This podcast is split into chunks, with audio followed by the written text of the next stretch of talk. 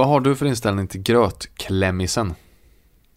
Ja, det är ju en lifesaver, tänker jag. Hur tänker du då? Ja, att eh, när till exempel Frank eh, inte äter mer så kan man alltid plocka upp en sån och trycka in. Man kan alltid, för att de gillar dem, eller hur? Ja, De gillar ju grötklämmisen. Litar inte på grötklämmisen. vad menar Jag du? litar inte på den här jäveln. Nej, men för... Jag har smakat nu. Det är inte gröt. Det är sylt mer eller mindre. Det är frukt. Ja, just för att de blandar ju i. Du trodde Ja. att det var ren gröt. Men, Ja, de bland, men, men- det står ju det- på, du vet, att det är frukt. Det står jättestora bokstäver. Ja. Gröt! Och sen så med små bokstäver. Lite frukt. Eller något liknande.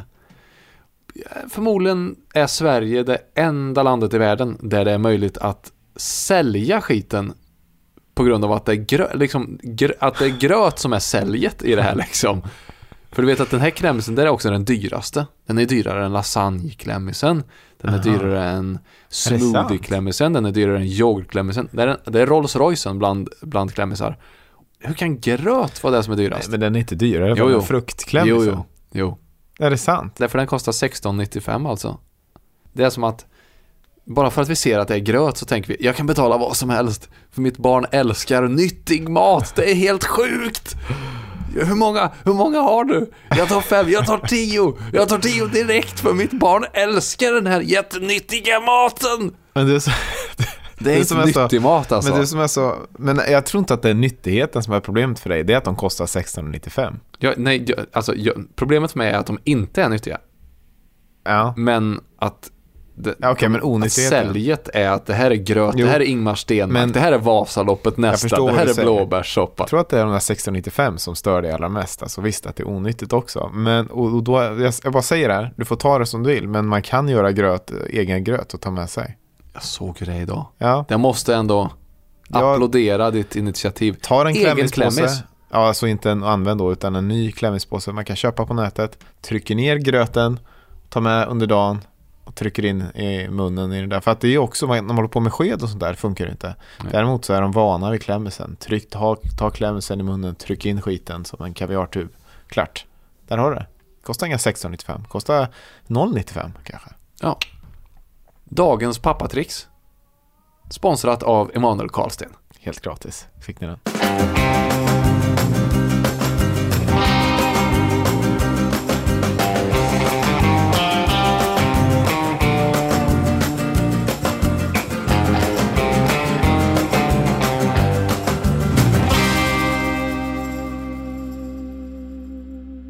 Jag fick ett sånt himla intressant meddelande från en kompis som hade lyssnat. Jag tror det var på ett av våra tidiga avsnitt. Eh, Det är ju roligt också att det är folk som, som kommer in eh, Superkul. senare. Ja. Eh, Men han satt i alla fall och läste en, en bok och skickade över ehm, Ja, han fotade helt enkelt det uppslaget han var på. Det är Patrik Hagman som har skrivit, han har, jag tror han precis har publicerat en bok om att eh, förlora sitt barn och sin fru. Otroligt mörk. Sorgens gåva är en vidgad blick heter boken. Och han har då skrivit om detta att vara en dålig icke-närvarande pappa till ett barn Oj. som sen tas ifrån en. Jag tror att vi pratade lite om det där men det var så himla starkt. Jag tänkte jag kan bara, kan bara få läsa de här Ja. raderna så kan vi prata vidare om det. Långsamt, långsamt kunde jag börja ta till mig att jag kanske faktiskt behövde gå igenom den här persen. Jag fick öva mig brutalt i tålamod att sätta någon annan för mig själv. Jag insåg hur otroligt dålig jag faktiskt var på det.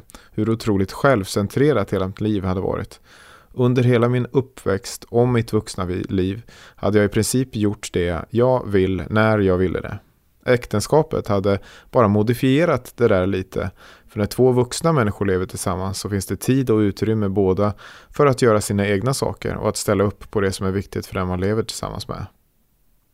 På våren när Joel började närma sig ett och ett halvt ordnade vi det så att han var några timmar hos en dagmamma tre dagar i veckan. Det underlättade ännu mer för mig.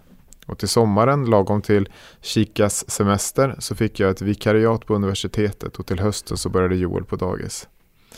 Det fanns helt enkelt goda förklaringar och delvis helt sakliga orsaker till att hemmapappalivet var så tungt för mig. Men det är viktigt att vara tydlig med att det jobbiga inte egentligen bestod i Joels ålder eller någonting annat. Det bestod av min självupptagenhet. Smärtan kom med min oförmåga att släppa mina egna projekt och intressen några timmar varje dag och låta Joels behov gå före. Den här smärtan blockerade mig så att jag inte kunde njuta av enkla men helt fantastiska saker som att se sitt barn lära sig tala, äta, gå och upptäcka världen. Att min självupptagenhet delvis var hyfsat mot välmotiverad, min akademiska karriär var i ett prekärt läge, ändrar inte på detta faktum. Mitt syfte här är inte att anklaga mig själv, skuldbelägga mig. Jag konstaterar bara ett tydligt samband. Självupptagenhet leder till smärta när man inte kan vara i kontroll över sitt eget liv. Självupptagenhet och behovet av kontroll hänger ihop. Befrielsen kommer när vi lär oss att släppa kontrollen. Eller om vi inte är kapabla till det, när vi tappar den. Åh, oh, alltså. Känner, känner du igen det? Eller? Ja, men det gör jag ju alldeles för mycket alltså. Och jag förstår Det var ju... som att dra en kniv i ett sår alltså. Ja. Varje mening. Det var så otroligt Mm. nära. Va, ja, börjar du, vad, vad är det du känner? Nej men. Det, man har aldrig velat vara en självupptagen människa. Mm. Det är väldigt få som vill det.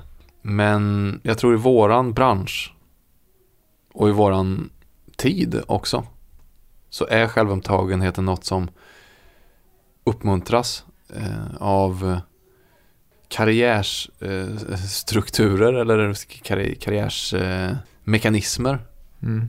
och även eh, ja, men samhälleliga eh, mekanismer helt enkelt. Mm.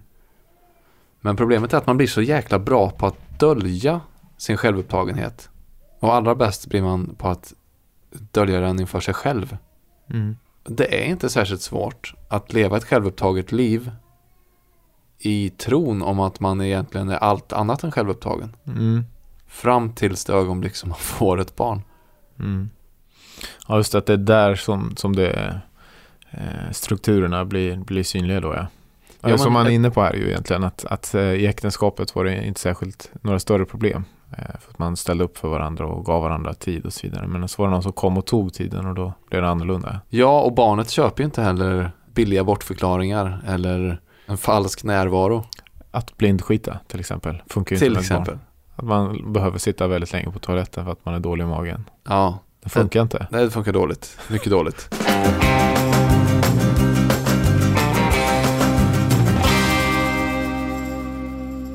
Jag skrev ju en eh, statusuppdatering på Facebook igår. Mm. Som ju var på något sätt en komma ut, ett komma ut inlägg. Mm. Där jag kom ut som deprimerad pappa. Mm.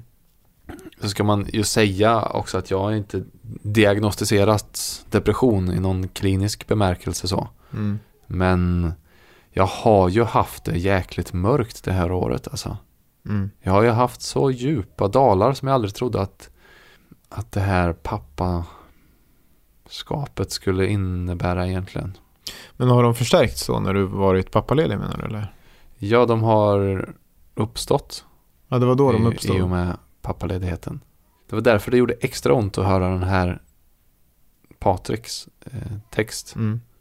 För precis, precis på samma sätt som han så har ju jag också befunnit mig i ett prekärt läge i min eh, karriär. Mm. Jag fick sluta på Stora Sveriges Radio Mm. parallellt med att jag gick på eh, pappaledighet. Och hela tiden så har ju den oron också funnits. Just det, att det har jag- motiverat dig att vara särskilt självupptagen då eller fokuserad på. Ja, jag har funderat på hur jag ska lösa försörjningen sen när pappaledigheten är slut helt enkelt. Mm. Alltså jag känner det nu att det, att det är som det största genombrottet som jag har fått i och med den här depressionen handlar just om den här självupptagenheten och insikten om det. Mhm. Insikten om att mitt liv före jag fick Alba inte var ett eh, sunt och friskt liv egentligen.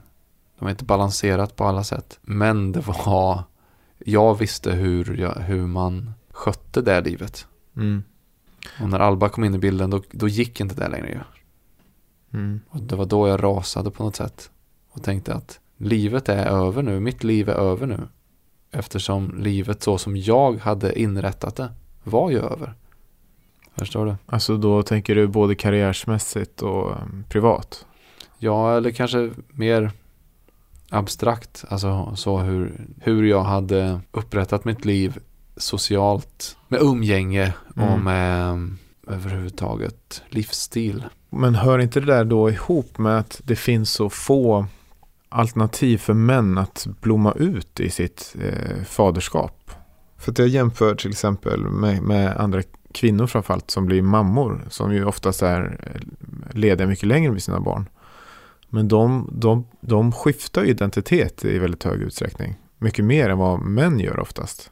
Alltså man, eh, man, eh, man hittar ett sätt att leva ut sitt eh, moderskap då. Eh, I form av, ja vad kan det vara? Att man nördar ner sig egentligen i allt det som har med, Mm. med barnet att göra. Att, eh, att det runt omkring blir ens ett, ett, ett nya liv. För att det finns en struktur som är väldigt tydligt anpassad eh, och förberedd också för mammor. Mm. Eh, Medan det inte alls finns samma förebilder eller strukturer för män att göra det. Nej. Nej, de hjulspåren är inte riktigt lika djupa. Exakt, och då finns det ju bara identitetslöshet kvar på något sätt. Ju. Eller i alla fall identitetsprövande, alltså ett slags eh, sökande eh, kvar för, för, för, för pappor oftast. Alltså Mm. vad, vad är jag om jag inte är det gamla? Om, om jag bara är pappa, hur ska det ta sig uttryck? Man har ju ingenting att spegla sig i, så man måste skapa det helt själv då antar jag. Ja, alltså en traditionell papparoll känns ju som att den är ganska förkastlig eh, sett med, med, med dagens ögon eller se, sett med all, mig, mina och alla mina vänners ögon som också pappor. Mm. Det är ingen som vill vara en traditionell pappa idag. Nej. Om man inte, alltså, det är, alltså om man kollar på Pippi Långstrump eh, till exempel. Mm. Tommy och Annikas mamma och pappa. Det känns som sådana schablonbilder Ja, just på det. något sätt. Och då är väl det sent 60-tal eller vad det nu är som det spelades in. Men, men där är ju pappan en frånvarande gestalt liksom. Mm. Som egentligen bara rufsar någon i håret. Rufsar barnen lite i håret på väg till jobbet. Kommer hem och luktar lite i grytorna och Mm. kramar om sin fru kanske. Mm. Men det är ju en jävla pissfarsa. Jag vill inte vara den frånvarande och uppslukad av arbetet och Mm. man har färre ideal att luta, luta sig mot kanske. Mm.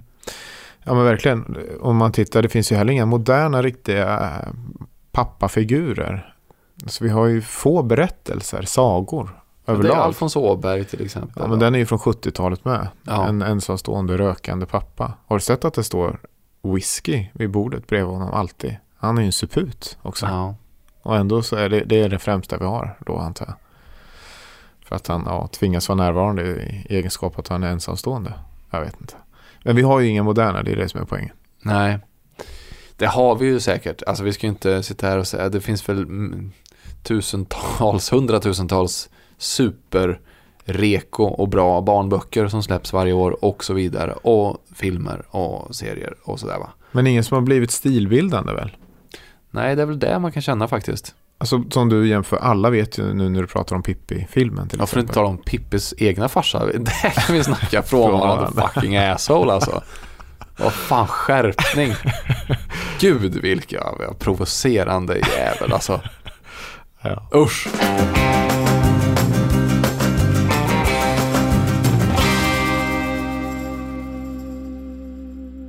Det finns ju någonting i det här då när man sitter Alba.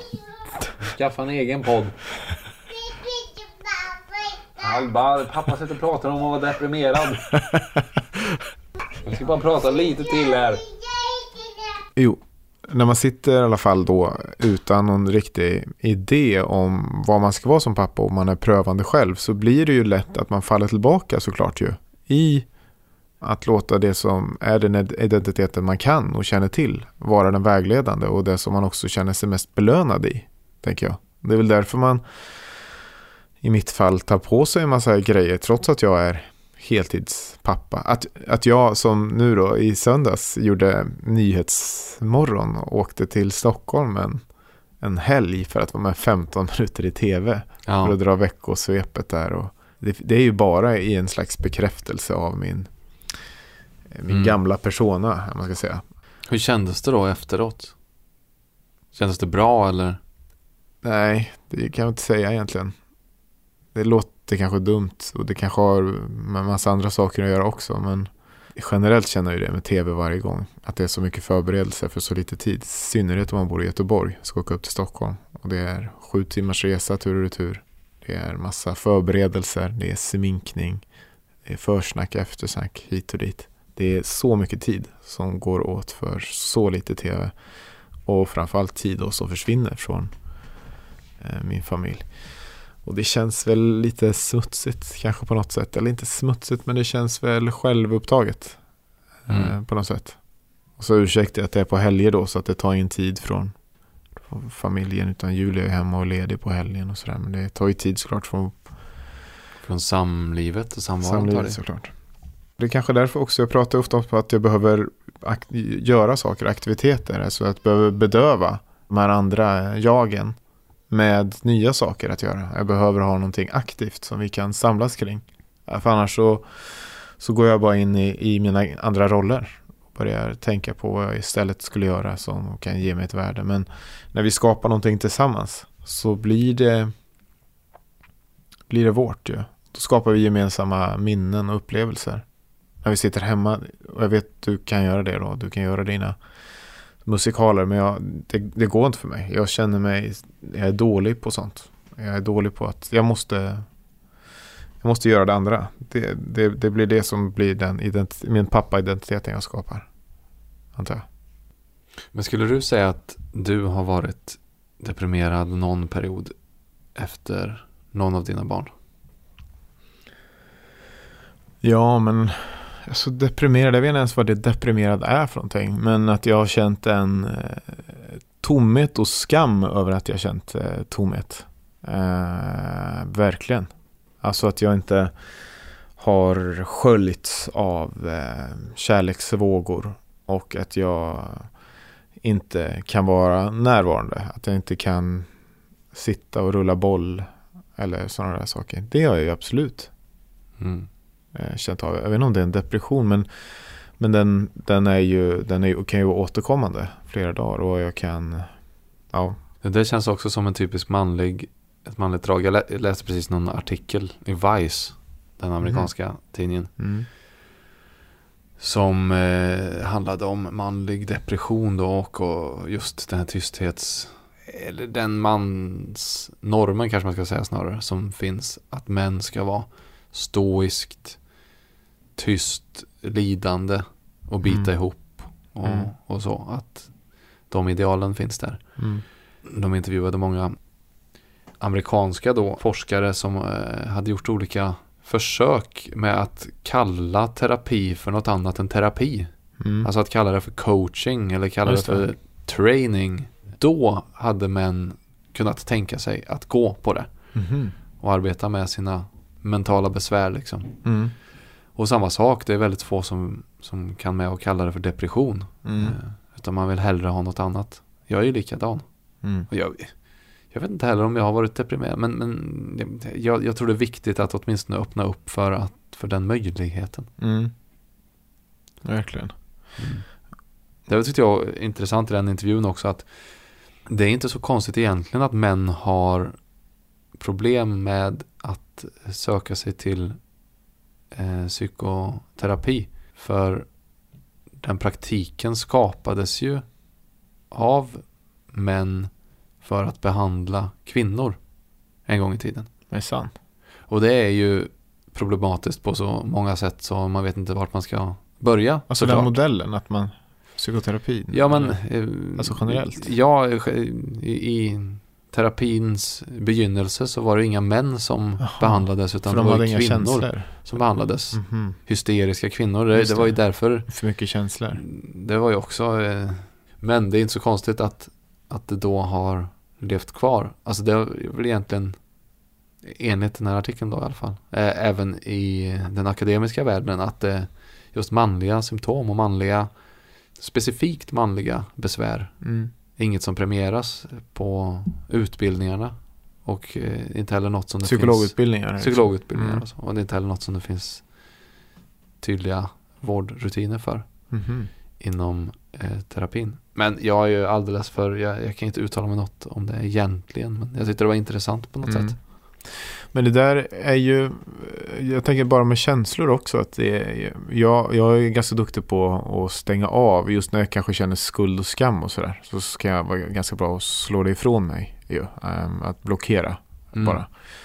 Och, ehm, och, och sen i efterhand kanske tänka att det kanske inte var så bra men det var, jag, jag, jag gör ju andra saker bra och det blir liksom totalen är kanske bättre än, alltså nästa gång kanske blir nästa Oj, generation. Vet du vad? Vad? Mat.se är precis här. Är det så? Ja, jag måste hämta. Vänta. Oj, oj, oj, oj, oj.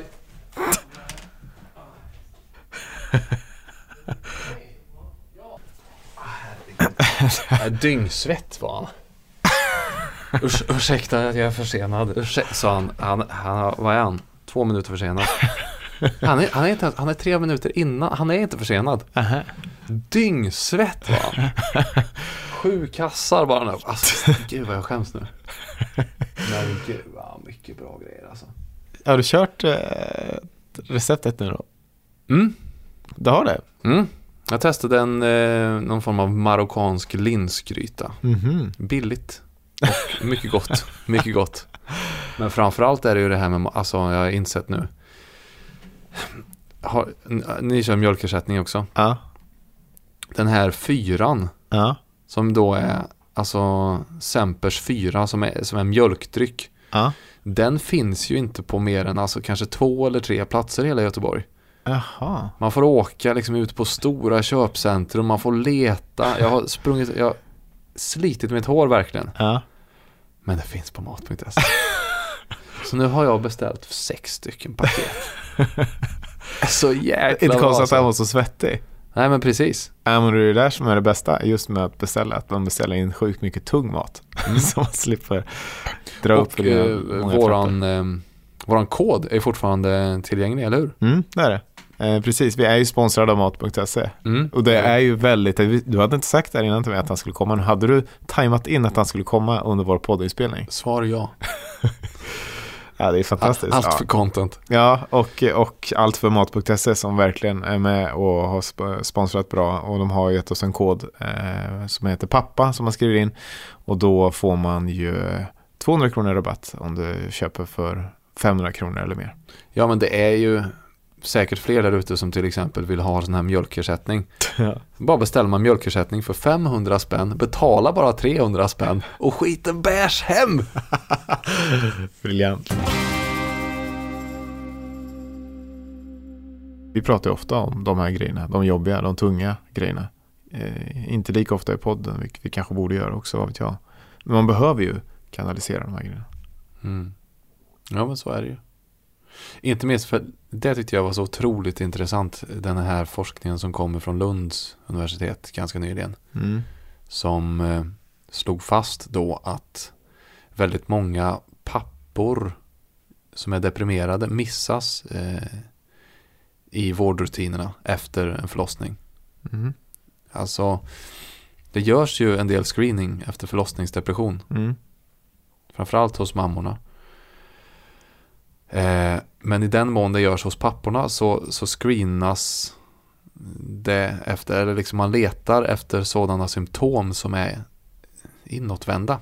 Mm. Som då är klassiska depressionssymptom. Men som kvinnor har i mycket högre utsträckning än män. Alltså nedstämdhet, låg energi, eh, inbundenhet och så vidare Mm. isolering. Medan män då i väldigt hög utsträckning har, alltså snarare har utåtagerande symptom. Mhm. Som eh, bristande impulskontroll eller eh, lätt irritation. Mm. Eh, oförklarliga vredesutbrott och så. Mhm. Och det missar man då. Och jag menar, vi har ju redan slagit fast att män har en tendens att eh, hålla sina besvär inom sig. Mm.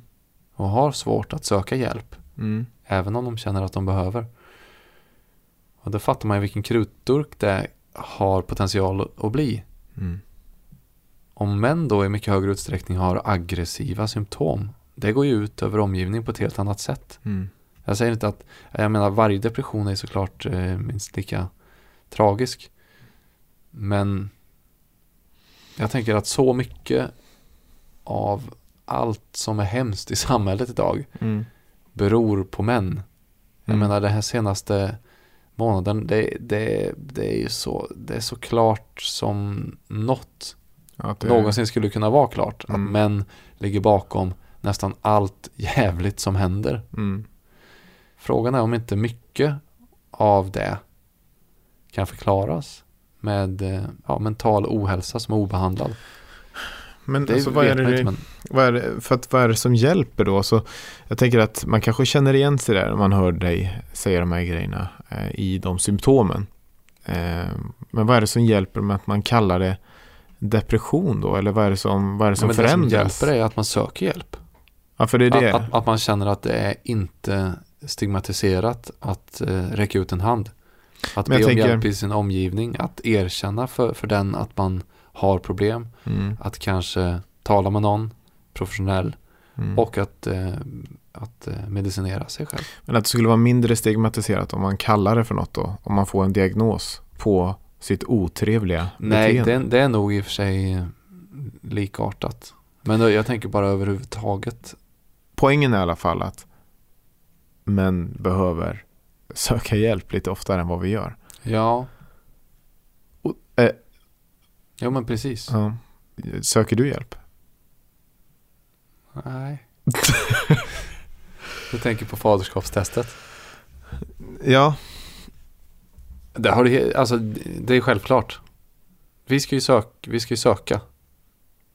Men det är, ja, och nu, jag vill ju direkt invända och då säga att jag inte har problem, även fast jag precis har erkänt att jag har eh, problem. Nej, men det är klart att vi gör det.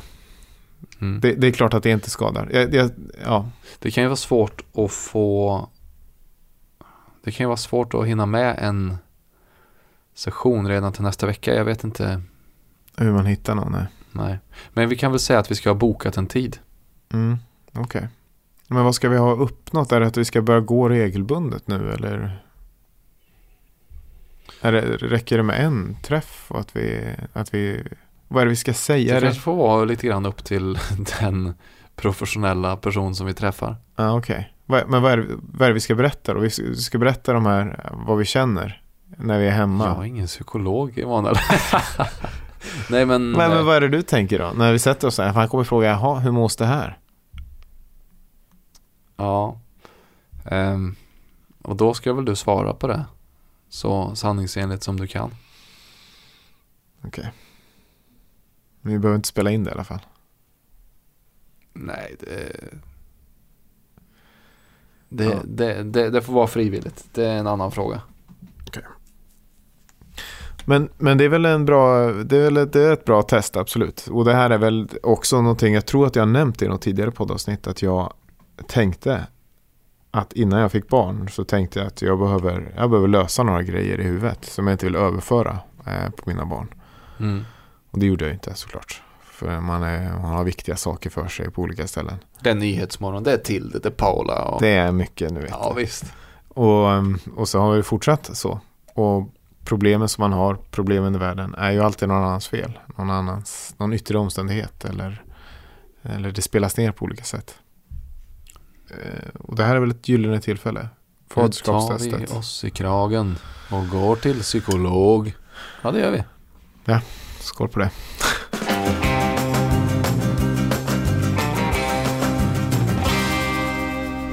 Vi har ett uppdrag att... eh, Eller ett test.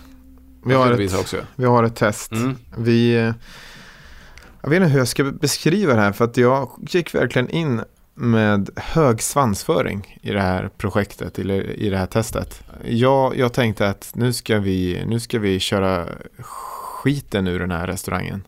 Mm. För idén var ju att vi skulle, skulle överta en fin restaurang, en Ja. ja.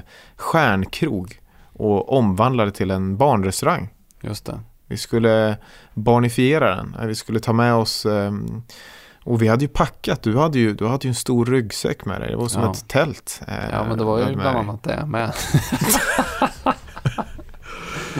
Nej, men du, du, du, du hade dina ronkisar. Jag hade båda barnen med mig och ja, jag vet inte hur ska börja för att, för att när vi Jag väl... blev ju väldigt eh, chockad när vi kom in och hon frågade, ja, vad har vi här för något sällskap? Mm, och då Eh, och hade jag också föranmält. Jag hade ju bokat, Ja. jag ska säga att det var på. Swedish Taste då. Alltså Ja. en av stans eh, främsta krogar. Michelin tror jag va? Kanske Michelin, ingen aning. Jag hade ju bokat då fem eh, Det personer. var därför jag blev så chockad. Fem, man bokar ju inte barn som en, som en person, men, men, men jag antar att det var en mild provokation som du... Det var bara en provokation. jag, jag tänkte nu ska de få här. Jag, Ja. vi, ska inte, vi ska inte, för vi är ju fem personer. Vi Ja, men det- två vuxna och tre barn. Rimligt varför, ändå. varför skulle de bråka om det liksom? Det Vi, är jag vill ha sant. ett stort bord. Mm. Eh, ge oss plats. Vi Ja. ska gagga ner så mycket så att ni kommer behöva ge oss hela restaurangen. Så eh, fem personer. Som av en händelse så stod det ju eh, i någon form av lite myshörna. Ja, det var ju det här som var så provocerande. Torn av klossar förberett för Mm. oss på bordet. Som vi skulle ha. Och eh, vips ordnades barnstolarna fram. Allt eh, swish, swi- swishande snabbt gick det ju. Mm. Ja, det, Eh, det var ju en barnmeny ordnades fram på den här Michelin-krogen här- utan problem. Det var inga konstigheter. De, Nej. de såg inte ner på oss på grund av våra ronkiskläder. Köksmästaren är pappa själv. Han, Han vet precis hur det han, han vet precis rätt temperatur. Och du försökte också provocera då med någon slags, ja, kan han värma barnburkar?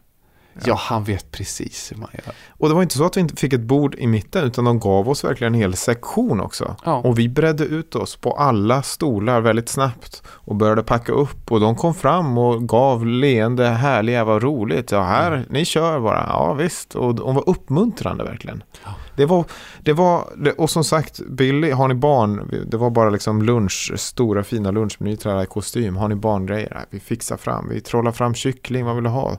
Vit fisk, de kallar det till och med vit fisk, inte torsk, utan vit fisk som det enda begreppet Billy kan på, Mm. på vad det är för fisk. Och du vet, det stod ju, framstod väldigt inte- snabbt. Att det inte- här- Ja, Det här, det här var inget, det här var ingen grej. det var inga som det gick att provocera, nej. Nej, det var de, ingen idé att sätta upp dining, de måste där. ju ha utsökt service såklart. Men vi ska säga, för vi är ju inte sponsrade på något sätt av det här. Det, vi är mest chockade över att de var så otroligt trevliga där va. Ja, Men vi gjorde ju också en liten, eh, ja men lite grann som GPs Uteätarna, Mm. eller vad de heter. Krogkollen, Uteätarna kanske är igen. ja. Eh, så, så lät vi ju Billy helt enkelt eh, betygsätta restaurangupplevelsen. Ja, som ett slags eh, avslut. Vad tycker du om restaurangen? Bra. Men för att jag vill ha, eh, jag skulle vilja ha ett betyg. Vet du vad ett betyg är för någonting? Nej. Eh, det är ju att man säger eh, att eh, antingen att den är jättebra eller att den är dålig. Och då säger man 1, 2, 3, 4 eller 5. Och 1 det är dåligt och 5 är jätte, jättebra. 5? Vad var det som var så bra då? Vad Det var så bra mat. Vad var det du gillade med maten då? Mm, så det var så god fisk också. Vi fick ju, vad var det för, vad var det för fisk du fick? Vit fisk. Ja. Med? Smör. Bränt smör, ja. Bry, eh, brynt smör. Det var ju en väldigt, det var en väldigt bra restaurang, det var en väldigt bra restaurangupplevelse. Jag ska säga att, att det kom lite på skam, hela idén om att fina restauranger eller goda restauranger inte skulle vara, kunna vara barnvänliga. Mm. Och jag tror att det har mest legat i mitt huvud. Ja, Och att vi nästa gång, det, det, det kanske man ska vara mer öppen för det.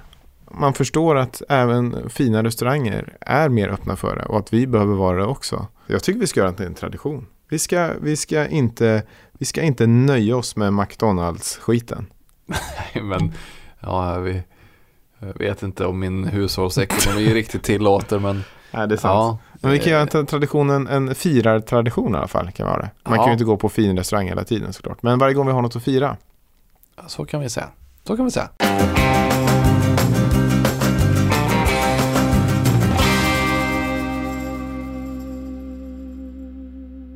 Vi har ju en samarbetspartner. Eller fler, men en av dem är i alla fall TCO. Mm. Tjänstemännens centralorganisation. Mm. Jag har noterat i mina flöden den senaste tiden en kampanj som ju också vi ska prata om. Den här med politiker prao. Just det.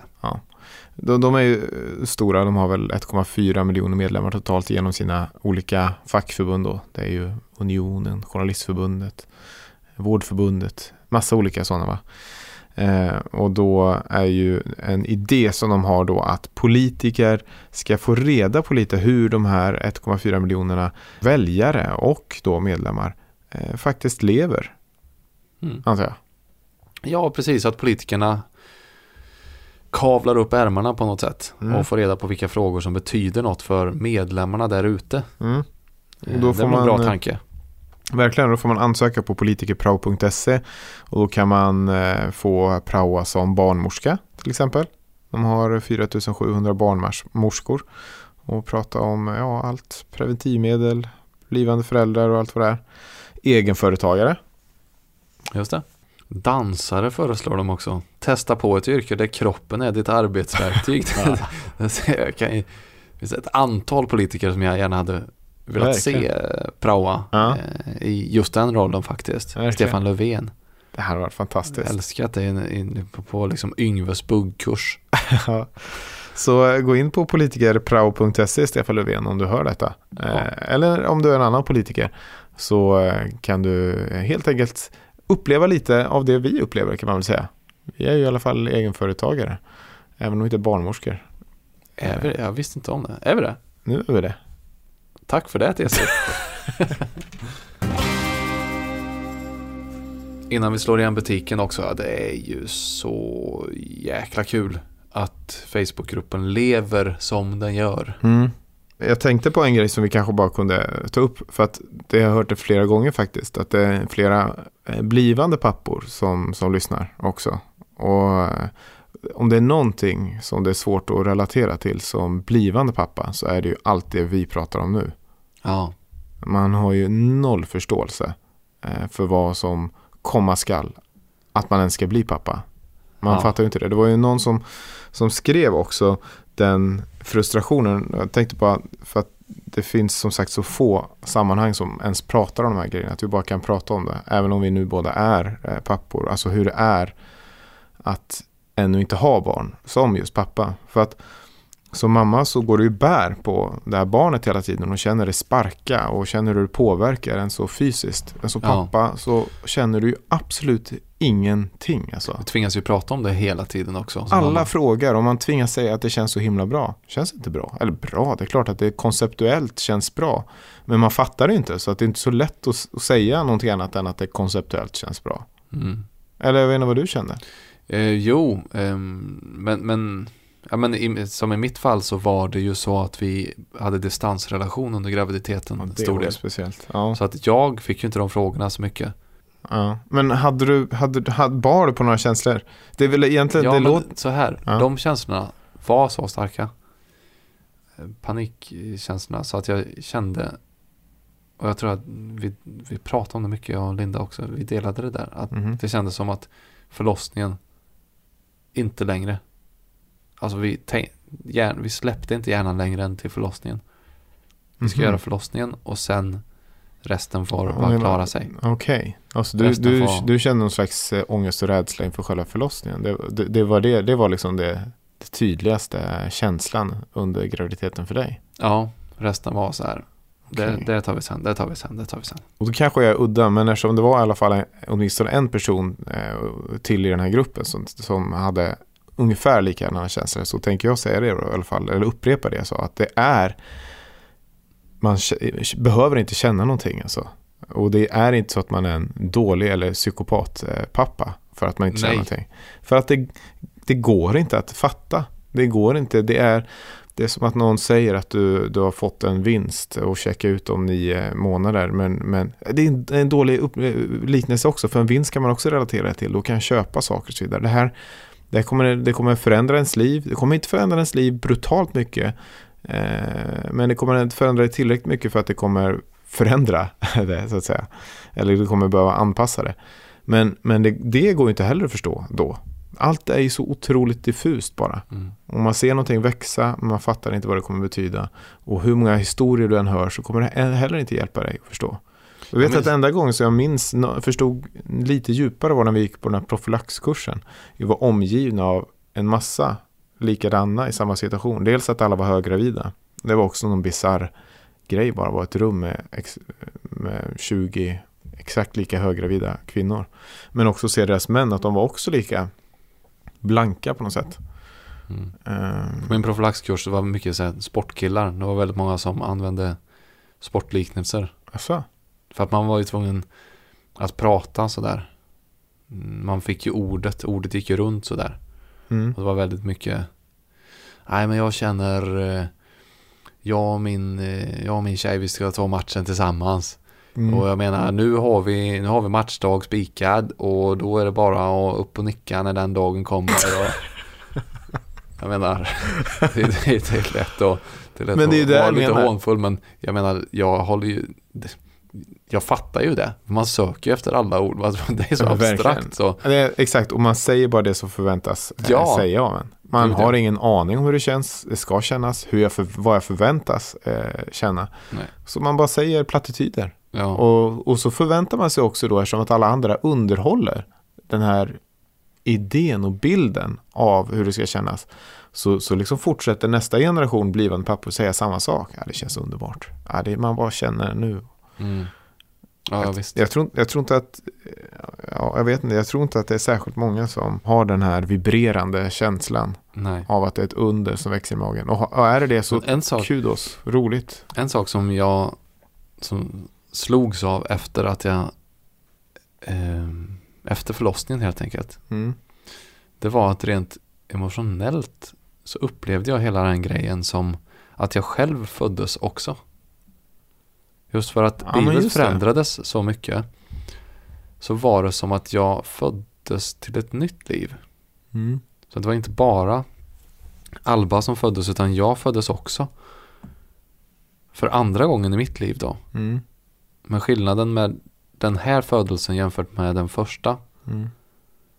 var att den här gången så kunde man alltså man fick möjlighet att själv avgöra vem man ville bli. Mm. Och det ty- tyckte jag var en ganska hoppfull tanke i början minns jag. Mm. Det är inget, inget man kan förbereda sig på menar jag. Mm. Att födas på nytt. Mm. Utan det är snarare att man eh, får försöka att eh, ta tillfället i akt när det Mm. väl kommer. När man står där och är nyfödd som pappa. Mm. Det är då i- man ska bestämma, vem, vem vill jag bli nu då? Mm. Sen går man in i depression och förlorar allt. Ja, sen blir det ett... sen, ja, sen blir det väldigt mörkt Ja. Ett långt tag. Men sen blir det ljust igen. Poängen med allt det här är ju, och det kanske blir att nu har vi ju vandrat i dödsskuggans dal i detta avsnitt. Det är ju att säga att det är okej att känna olika saker. Överlag och generellt så är det ju fantastiskt att vara pappa och liksom livet är bättre. Mm. Eh, Det är bara att livet också behöver omdefinieras. Eh, Och det tar en, en stund att ta sig dit tänker jag. Ja, Och att vi hjälps åt att prata om det den här gången. Den här generationen hjälps åt att prata om det lite mer än tidigare generationer har gjort. Och då Mm. kanske vi kan bli bättre också. Med dessa fantastiska slutord. bevingade ord som bara flyger rakt ut i etern Ja. och vi går ut i natten. Och imorgon är det dag igen och sen går det en vecka. Och om en vecka är vi tillbaks. Det drar vi Och då har vi bokat tid hos eh, psykolog. Ja, det har vi gjort. Tack för att ni lyssnar. Ja. Det är väldigt roligt. Eh, Följ oss på olika sociala kanaler. Faderskapstestet heter vi. Vi ses nästa gång. Hej!